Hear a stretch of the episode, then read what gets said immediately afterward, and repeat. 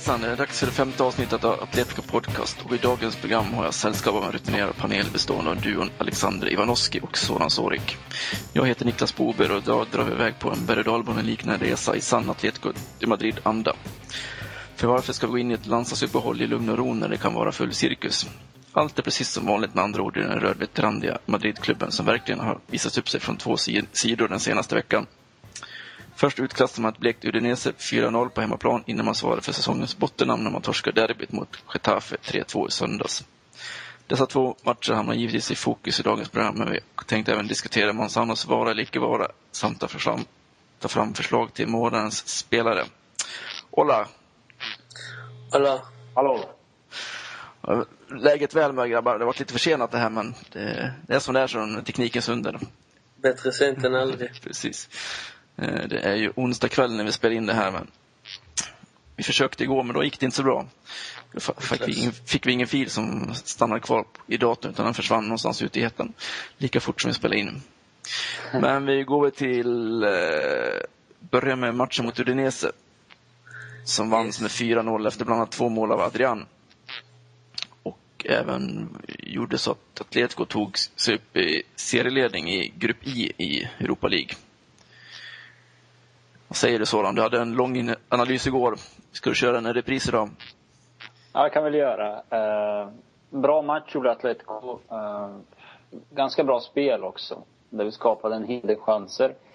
Adrian tog ju vara på, på sina chanser direkt där. Han hade två chanser, gjorde två mål på 12 minuter. Och så hade vi där en, en innan också. Eh, så tre chanser på 12 minuter och två mål. Eh, I den matchen så tycker jag att eh, framförallt Adrian utmärkte sig. Eh, samma gäller eh, såväl Arda som, eh, som Diego och eh, skulle även vilja flagga lite för Antonio Lopez insats. Då han var inblandad i, eh, i det andra målet där när Falcao kommer ner och möter. Adrian springer i djupet och Antonio Lopez överlappar och slår inlägget som Adrian sedan eh, nickar in i mål. Eh, där kunde vi också se eh, skillnaden när vi spelar med två anfallare istället för en. Eh, så just där 4-3-2 eller 4-4-2 vad man nu vill kalla det. Det var, det var ett det var, det var ett framgångsrecept just mot Udinese. Men eh, samtidigt så måste vi ändå nämna att Udinese gjorde sju eller åtta ändringar i sin startelva. Och eh, ja, det, man, tappade, man tappade såväl kontinuitet som eh, säkerhet i eh, försvarsspelet. Men eh, Atletico är faktiskt det första laget som gör eh, mer än två mål på Udinese den här säsongen. Så det ska, det ska laget ändå ha, no, ha något för, tycker jag. Och det är helt klart en fjäder i hatten i alla fall. Vad säger du Alexander? Jo, det är klart och det, det enda, om man säger negativa, det var kanske att Falcao Jo, det gjorde han. Eh, om man säger så, alltså själva matchen var ju bra och det som, det som gjorde mig glad var ju faktiskt att man vann utan Mario Suarez på plan om jag inte har helt fel för mig. Nej, han, han spelade Han, han spelade. Ah, ja, i alla fall. Han utmärkte sig inte så jättemycket i alla fall. Han gjorde väl inga misstag.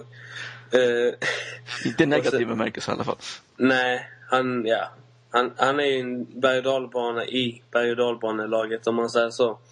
Men eh, nej, jag tyckte alla spelade bra. Vissa utmärkte sig så som Adrian som, som jag tror han, han, alltså han, har, han har mycket att ge men det kommer inte riktigt fram när man möter typ Real och Barcelona. Alltså då, då sjunker hela laget men det var ändå en, en liten värdemätare i Udinese som ändå fick visa att han, att han verkligen är den målskytten som, som de köpte honom för, eller som han kom för. Så jag tycker i, i helhet så var det en bra match.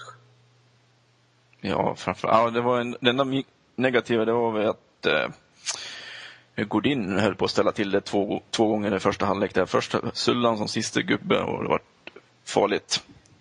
Eh, sen slog han ja, var... idiotisk felpass där på uppspel också, som var råfarligt det också. Han bytte väl plats med, med Mario Suarez denna matchen. Ja, precis. Det är alltid någon som klantar till det och ger våra motståndare lite, lite bjudningar. Men det hör ju till det också. Det är inte, heter ju inte Atletico Madrid för intet, så att säga. Men sen tyckte jag Pereira var rätt hyfsad också på högerbacken, för en gångs skull. Det var liksom ingen katastrof. Det var inläggen är ju som- vanligt katastrof, men han täckte till, täppte till kanten i alla fall. Ja, alltså han eh, försvarar ju väldigt bra. Ja, Det gjorde han. Och det ska han ha, det, ska han ha, det fick han ett bra betyg av mig till och med.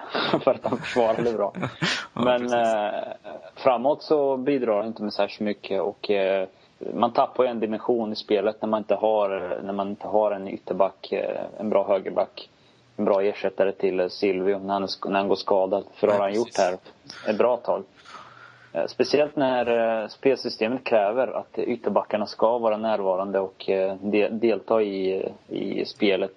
Slå in inlägg och ja, hjälpa till och fylla på. Ja, framförallt att hålla bredden också när, när liksom våra tre liksom mittfältare som, är, som deltar i offensiven, är, de håller sig ganska centralt också. De går inte ut så mycket på kanterna. Utan det är ytterbackarna, eller ibland en anfallare som söker sig ut mot kanten. Exempelvis Falcao. Ja, Exempelvis precis. Falcao där vid, eh, vid det snygga 2-0 målet som Adrian nickade in. Ja, och han gjorde ju lika här i matchen mot Getafe också, att han gick ut och vart överlappad. Och precis samma sekvens nästan, var liksom eh, karbonkopia. Klack förbi backen och så kom ytterbacken och fyllde på i luckan i djupet där. Så. Inlägget höll vi inte riktigt samma klass som mot Udinese. Nej, det var ju, det var ju bara luftpastejer mer eller mindre. Ja, precis. Eh, tänkte vi, jo, Men, en, en, en sak bara om uh, Udinese-matchen. Eh, jag skulle vilja påpeka att eh, även om Mario inte utmärker sig särskilt mycket i spelet så vann han ändå tillbaka väldigt mycket boll.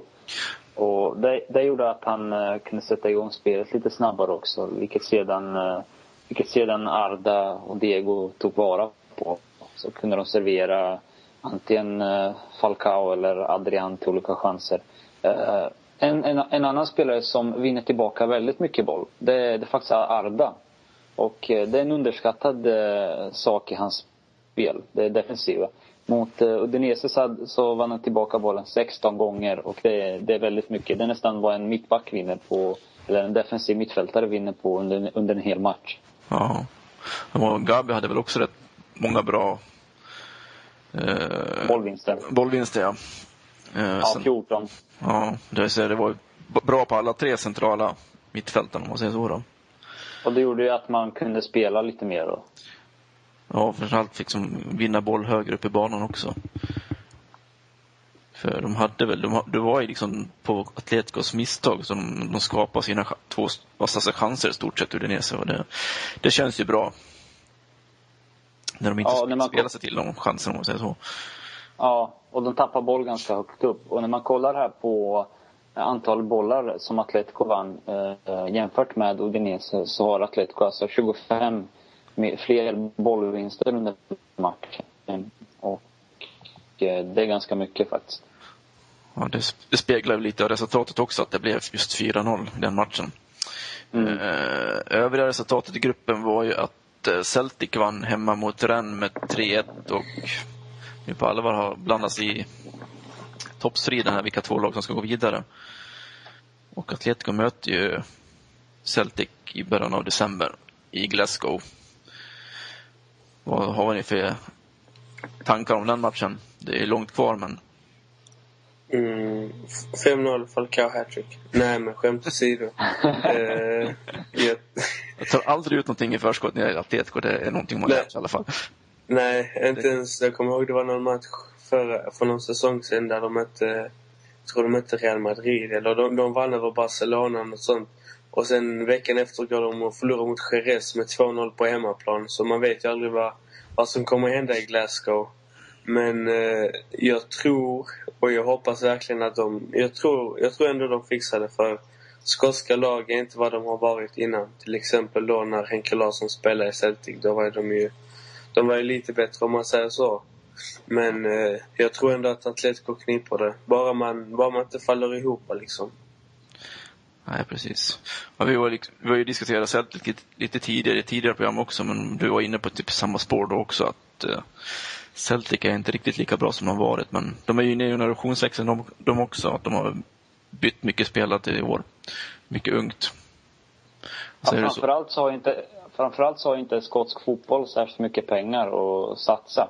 För om du kollar på de här klubbarna som är i Skottland så, jag tror Rangers och eh, Celtic, de får kanske två miljoner euro i, eh, i tv-pengar. Och det... Det kommer man inte långt det, på. Det, nej, det kommer man absolut inte långt på. Det, det är alltså mindre pengar än vad eh, exempelvis Osasuna får. Ja, precis. Sen är det nog inte så många som följer ligan heller via TV. Alltså den är väl inte lika attraktiv, men jag förstår vad ni menar. Nej, den har ju tappat liksom med, med tanke på det, det enorma utbud som finns nu jämfört med bara för några år sedan. Går, liksom, går tillbaks tio år så är det ju, det var ju istid på den tiden om jämför med det utbud vi har nu. Det är sant. Kanske ska tacka det för att man följer Atletico idag. ja, ja, jag har nog följt dem ändå, men det, det är betydligt enklare i alla fall. Yeah. Slutet av 90-talet fick man ju på sin höjd hålla till goda med några mål på Eurogoals, typ. Det var ju, fick man se Atletico där skymta förbi en halv minut så var ju, var ju kvällen räddad. Men även internet var ju inte alls lika utbyggt heller. Så de bästa sättet att ha koll på grabbarna det var att spela Championship Manager. då, hade man ju, då hade man ju koll på, på truppen i alla fall. Vilka som fanns med och vilka. Och Torres var ju, kom ju tidigt med där också så han, han har man följt. Ja, självklart. Ja.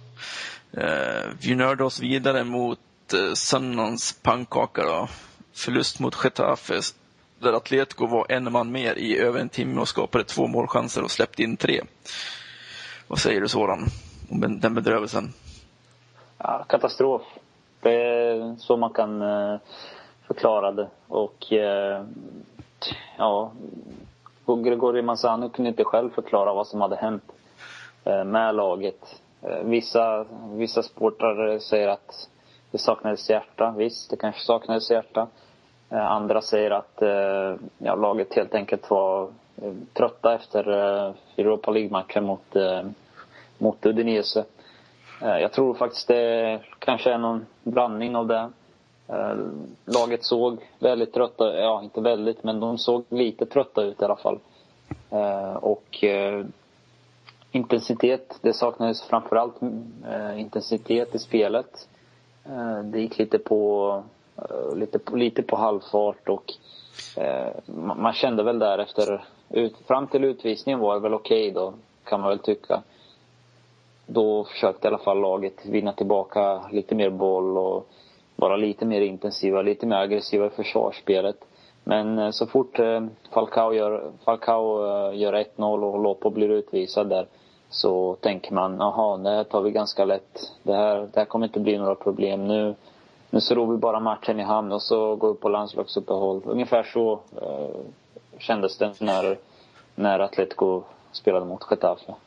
Ja, nu ska, nu ska vi bara jogga in den här matchen, den här tre poängen och sen är det klart den. Men Getafe de visar att de spottade händerna och sen var det liksom full fart framåt när, när liksom läge gavs. För Atletico hade, de hade tycker svårt att ha, han fick liksom ingen rörlighet på sitt anfallsspel utan det har varit väldigt statiskt. Och sen tappade de boll centralt och då var det farligt flera gånger. Och så var det ju bara de här långbollarna in. Alltså tidiga inläggen som målvakten, alternativt backarna, bara nickar bort liksom. Så det blev ju också... Det var ju säkert därför som man inte skapade så många chanser. Jag menar, hade man spelat sig till eller försökt i alla fall komma, komma, komma runt sista backen. Då hade man i alla fall haft en chans till att typ spela snett inåt bakåt eller i alla fall komma, komma till ett avslut med huvudet. Men här blev det ju liksom bara Äh, vi skiter i det. Vi bara skjuter in bollen så tar mål, målvakten bollen. Så det, det, det behövs förbättras. Ja, inläggen var ju bedrövliga. Det var liksom det var gylikolvarning på varenda boll där som kom in. Så högt var de uppe och vände. Uh, ja, det var riktigt pinsamt att se. Sen är det ju frågan diskuterade snackade igår om eh, fotbollsintelligensen också, hur det står till med den på, bland vissa spelare när de går in och, och kapar spelet. Typ, säg, tänker mest framförallt på Thiago nu, vid, vid eh, samband med Getafes frispark som resulterade i 1-1 målet från Barada. Men hur tänker man?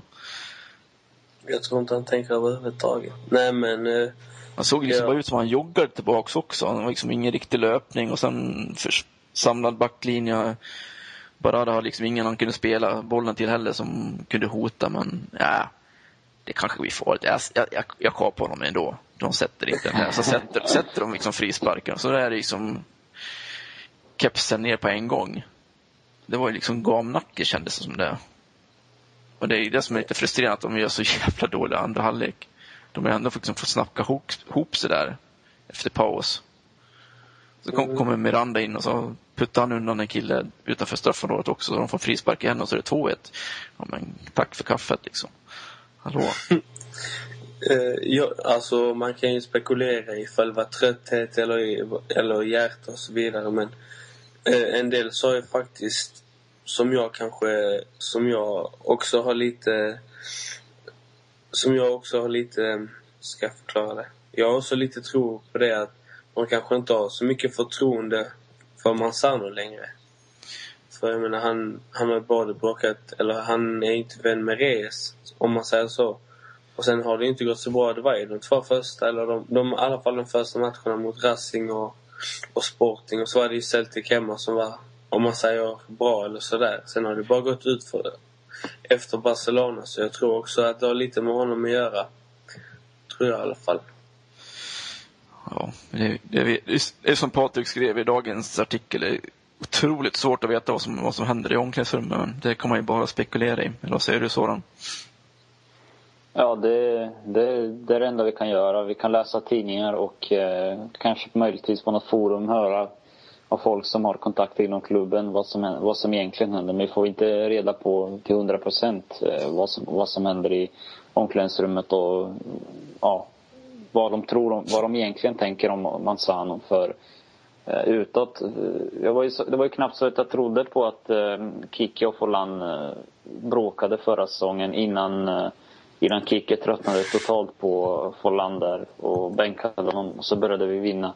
Men eh, det är klart, det, är inte lätt att hålla en spelare som Reyes eh, nöjd och speciellt inte när han, eh, när han inte presterar, när han inte kommer in i laget som han ska. För det här system, systemändringen, lagets spelsätt har gjort att han att han håller i boll, bollen lite för länge och det, och det passar ju inte, det passar ju inte själva spelet då. Och... Ja, det, blir, ja, det blir liksom tre spelare på mittfältet som håller bollen för mycket. Liksom. Både Arda, Diego och Rey. Alltså det, det funkar liksom inte. De matcher vi har spelat 4-2-3-1, då har det inte funkat överhuvudtaget. Känns det som. Men Nej, liksom, det håller jag med om. Det, det, delar du den känslan eller? Ja, jo, det är klart jag gör det. Eh, samtidigt så har vi inte fått använda oss av eh, våra bästa spelare i alla matcher. Nej, så är det också. Och sen, ja, vi, kommer, vi, faller tillbaks till det här liksom. Lands... Ja, det har varit ganska mycket landslagsuppehåll också, måste vi tänka på. För det här är tredje gången nu som, eh, som Manzano eh, tvingas eh, skicka, ja, spelarna sticker iväg på landslagsuppehåll och så kommer de tillbaka om tio dagar ungefär. Så han får inte jobba i, i riktig kontinuitet med laget det, bedömningen kanske på, på Manzano ska det komma eh, från och med efter det här eh, landslagsuppehållet och fram till nästa landslagsuppehåll som är i februari. Men frågan är om han är kvar så länge.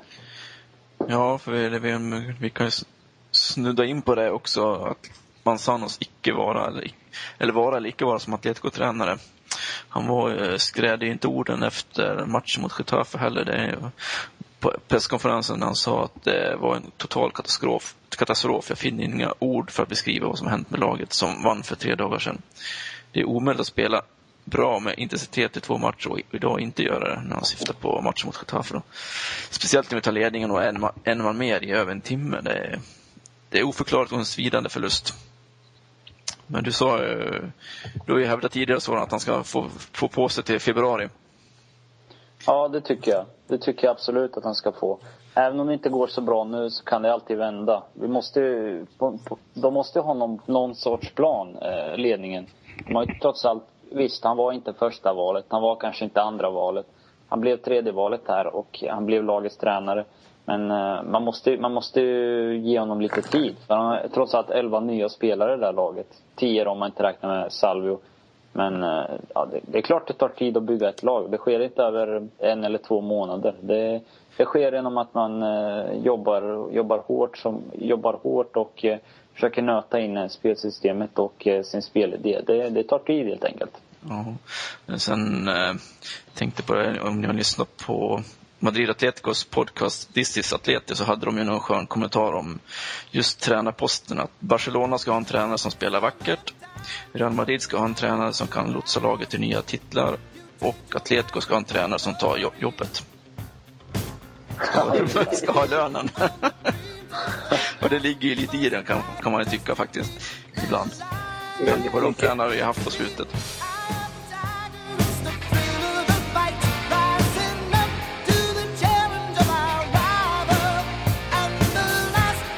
Bor, jag tycker vi ska ge Manzano tiden i alla fall. Eh, och eh, bedöma honom möjligtvis i januari. Så att det inte blir det där att vi börjar sparka massa tränare. Och att vi blir det där laget som, som eh, vill ge, som, där tränaren bara tar jobbet då. Ja, precis. Vad tänkte du säga Alexander om något tränare? Jag håller med Soran fast Eh, lite mindre uppsägningstid om man säger så. alltså, jag tycker fram till jul. Inte mer, inte till februari för alltså det är inte så att han kan gå från från helvete till himmel om man säger så. Alltså är han en bra tränare så är han en bra tränare. Är han inte så är han inte liksom. Eh, alltså okej okay, man ska ge dem tid men han, han har ju fått nu halva säsongen snart. Det är det ju. Ja, det var nästan lite pinsamt när han hade ett eh, föredrag här i Madrid, var det måndags eller tisdags, om eh, hur man ska bygga lag. Det var också lite träffande. Mm. Jag tänkte på alternativ till Manzano om han skulle gå då. Kikki Sanförslårets eh, ska ju gå till Dubai och Al-Ali. Så han slipper vi. Men har vi några andra favoriter? De nämner ju Aragones och eh, Bernt Schuster bland annat. Även Donadoni har jag hört rykten om och Carlos Ancelotti. Är det någon av dem som faller herrarna på smaken? Uh, nej, alltså jag brukar följa Chelseas matcher men uh, jag vet inte. Ancelotti känns mer italiensk. Alltså, han är italienare men känns mer som han är tränare för italiensk spelstil det här göra ett mål och backa hem. Eller den här med, jag vet inte. Inte så tekniska fotbollen utan lite mer, eh, ska jag förklara, lite mer kötta. Vad säger du Soran? Om tränare ja, men, med, med Chelsea så spelade han ju ändå ganska underhållande, speciellt den första säsongen. Då hade de ju ganska offensiva ytterbackar som, som gav bredden och... Eh, de spelar väl ganska ja, likt Atletico egentligen med ganska centralt mittfält. Ja, så. och eh, ytterbackarna som ger ja. lite, lite understöd. Ja, precis. Fast framförallt så var de ju defensivt eh, väldigt bra. Det var ju där, det var ju där de utmärkte sig på. Uh, Atletico, de behöver, de behöver förbättra offensiven tycker jag. Och slipa laget lite mer. Det är väl där, det är väl där som är problemet just nu. Ja, lä, lära sig att liksom eh, ta rätt beslut också. Det känns ofta som om det blir en passning på måfå för mycket.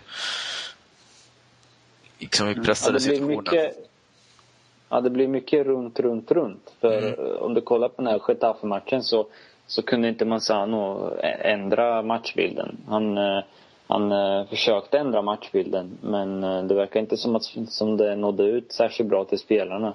För varje gång de fick bollen så antingen så spelade de, försökte de spela sig genom mitten där det var väldigt, väldigt överbefolkat. Eller så kom de här eh, luftpastejerna från antingen Antonio Lopez eller från eh, Luis. Så om man ska spela inläggsspel då måste man ha precision i inläggen och eh, det var, det var långt ifrån eh, precision i, eh, i Atletico, Atletico ytterbackars eh, inlägg mot Getafe. Nej, sen vart det liksom, det vart ju så avigt när de hade Lopez på högersidan också. Det vart det, ja, det funkar ju liksom inte alls. När de, Getafe var ju så väl medvetna om den akilleshälen också, att han, var helt, att han är helt oduglig med högerfoten mer eller mindre. Så han fick liksom vända om varenda gång han skulle slå ett inlägg. Ja, och den extra tiden använder de för att avväpna, avväpna ja. Atletico. Ja, precis. Ja, äh, har vi något mer att tillägga om förluster mot Getafe och tränarfrågan innan vi går vidare i programmet? Mm, Just det. Ja, kör på Alex. Nej, jag tänkte... Jag läste här precis faktiskt att eh, det kanske inte har så mycket med eh, Manzano att göra men på tal om Reyes så öppnar han för att återvända till Sevilla faktiskt. Eh, och han utesluter inte heller ett bud från Galatasaray även AC Milan är, är eh, aktuellt. Så man vet ju aldrig. Får hoppas att Manzano får gå så man får in en tränare så kan Reyes stanna för eh, han är ju, alltså när han väl spelar och han är på topp så är han ju en av lagets skuggar om man säger så. Och man vill inte förlora honom bara för att någon tränare kommer in. Alltså som inte, som inte har gjort någonting. Okej okay, med Kicke och, och Forlander var det ju ändå liksom, de titlar. Man har ändå lite så respekt men Alltså det är ingen liksom som har trott på Massano från början. Alltså om man säger så efter de här två 4 matcherna i ligan. Så blev det inte alls som man tänkt sig om man säger så. Och det var ju många som var positiva eller negativa redan från början så...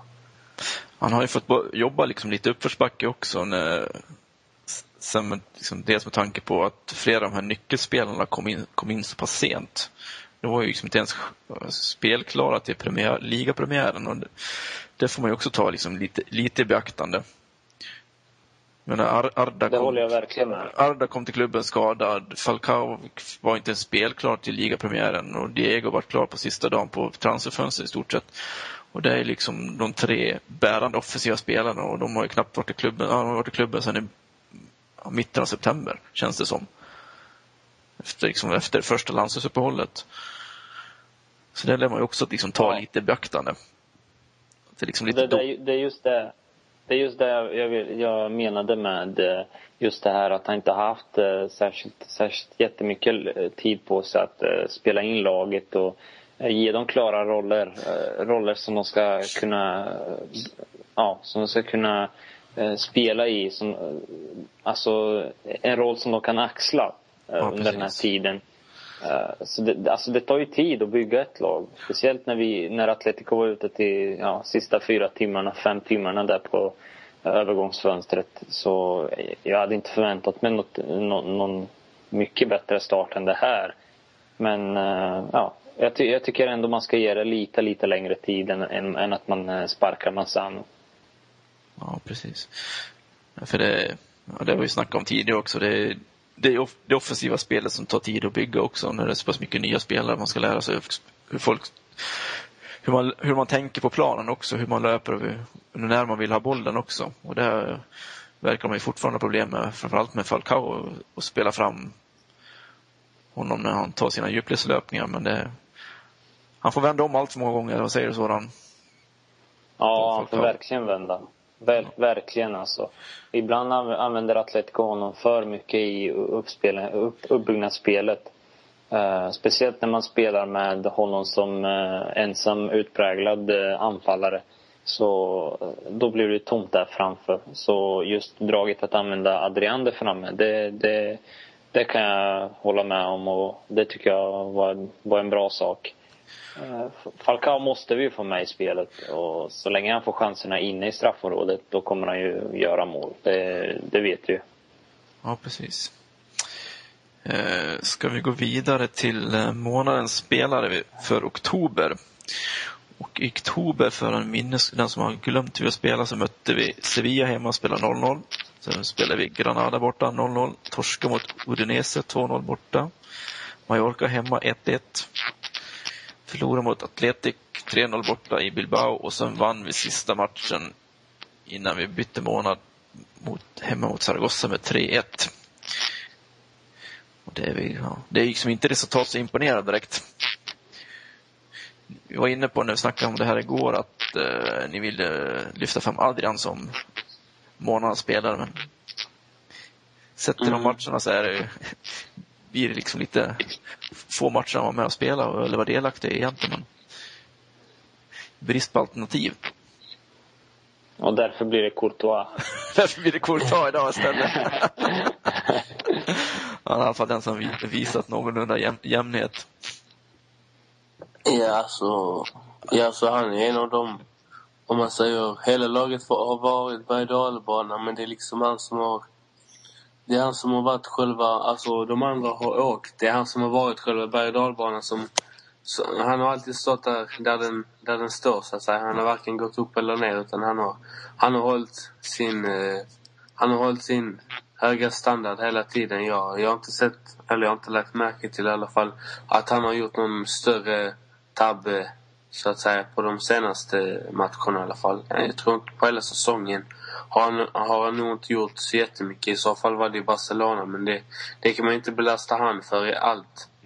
Nej, det, är liksom, det blir ju mål när de spelarna får de lägena. Det, det är ofrånkomligt yeah. liksom. Ja, men alltså jag, jag sätter Courtois som månadens spelare. Fast eh, nu senaste tiden, Adrian har ju visat också men det... Det är bara två matcher.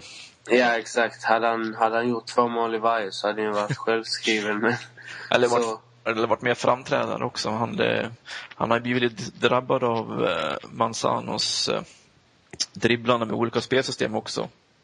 Ja. Bara, när han bara liksom spelar med en anfallare. Ja. Var du nöjd med så långt Soran? Ja, jag, jag kan nog acceptera att eh, Courtois, Courtois är månadens spelare. Det kan jag göra. Vad bra. Ja, om, man ska, om, man ska, om man ska vara lite petig då så kan man ju, kan man ju ta det. Mot Udinese så hade han en dålig, en dålig rensning. Det är det, är det enda han har haft på, eh, på vad blir det, 15 matcher eh, sen han kom till Atletico. Så, ja, det är en väldigt stabil spelare. Men det var inte han, det var bollen som flög fel. ja, precis. Ja, det är, framförallt med tanke på att han är, han är inte, ens, han är inte ens 20 år fyllda så är det ju visar ju otroligt moget spel för sin ålder. Mm. Eh, innan vi avslutar så är det värt att nämna att eh, våra favoriter befinner sig i Egypten för tillfället och idag onsdag så var de och besökte pyramiderna. Bland annat finns det något filmklipp på Atleticos Twittersida där Dominguez är ute och rider på kamelen. Och och torsdag kväll så spelar man en eh, vänskapsmatch mot Samalek Sporting Club. Är någonting, något, någon, någon klubb ni känner igen grabbar? Ja, så jag, jag har faktiskt en kompis som är här på... Nej, jag skojar. Nej, jag har aldrig hört dem i hela mitt... Nej, man har ingen riktig koll på egyptiska ligan direkt, eller vad säger du Soran? Ja, men det är en av, det är en av Egyptens största klubbar. Det är det och, eh, och Al-Ali då, som är de stora klubbarna i, eh, Egypten. De har ju han, eh, gamle Wigan-spelaren Amr Zaki, jag vet inte om ni minns honom men eh, jo. Han, han i alla fall. Och, och Motoyossi då från eh, Helsingborg om ni minns. Mm. Ja, det ja, så det Mido också, om ni minns Mido från eh, Ajax och Självklart. Ja, ja men det, det är nog Hade han något duster med Zlatan? Hade inte Mido lite duster med Zlatan? På, på Jo, det hade Ja, det ser jag. Och idag har tränarna, idag, eller idag har spelarna eh, tränat också i Kairo på den här eh, internationella, eh, vad heter den? Estadio Internacional del Cairo. Så den internationella stadion i Kairo, så att säga. Så det är inte bara, det är inte bara roligheter de gör där, de tränar också. Precis. Eh, hade du någonting och, som avslutning sådan? Något, något klipp vi kunde glädja oss åt? Ja, det skulle väl vara eh, när Atletico, eh, när de tog sig till Champions League 08-09 i den där matchen. Det minns ni väl allihop tror jag. Schalke? När, ja, det var ju efter att Agüero hade kommit från från eh, OS och han hade vunnit OS tillsammans med Argentina. Och eh, det, var, det var en riktigt härlig match eh, som vi vann med 4-0. Eh, 1-0 gjordes av Agüero, 2-0 av eh, Forlan. Eh, 3-0 tror jag, Maxi gjorde väl 3-0 tror jag, eller var det Luis Garcia? Det var Luis. Garcia var det. Det var Luis Garcia. 4-0 minns jag inte. Var det Raúl Garcia som gjorde det? Nej, det var, det var Maxi på Var det straff. Max, var det Maxi då? Straff. Ja, okej, det var Maxi. Ja. Ja, det var en riktigt härlig match faktiskt. Yes. Hade du det där klippet på gång eller? Ja, jag försöker hitta det här. Och så volymen på 100. Volymen på 100. Lite skönt. Skön avslutning i all bedrövelse. Ja, för det är ju verkligen bedrövelse just nu med tanke på de här resultaten som har varit på senaste tiden. Och det är, in- det är inte matcher man ska, man ska torska heller. Nej, det var verkligen katastrof var det. Nu ska vi se här. Sådär. Då kan vi lyssna. Nu kommer det.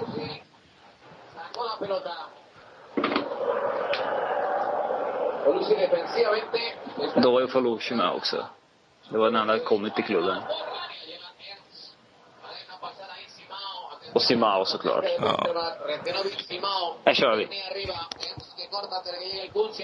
Kun. Atención que falló el toquetazo Enz. Kun jugando pero Forlán se resbala Bordón. Ahí está Forlán en la frontal. Buen desmarque. Va a disparar.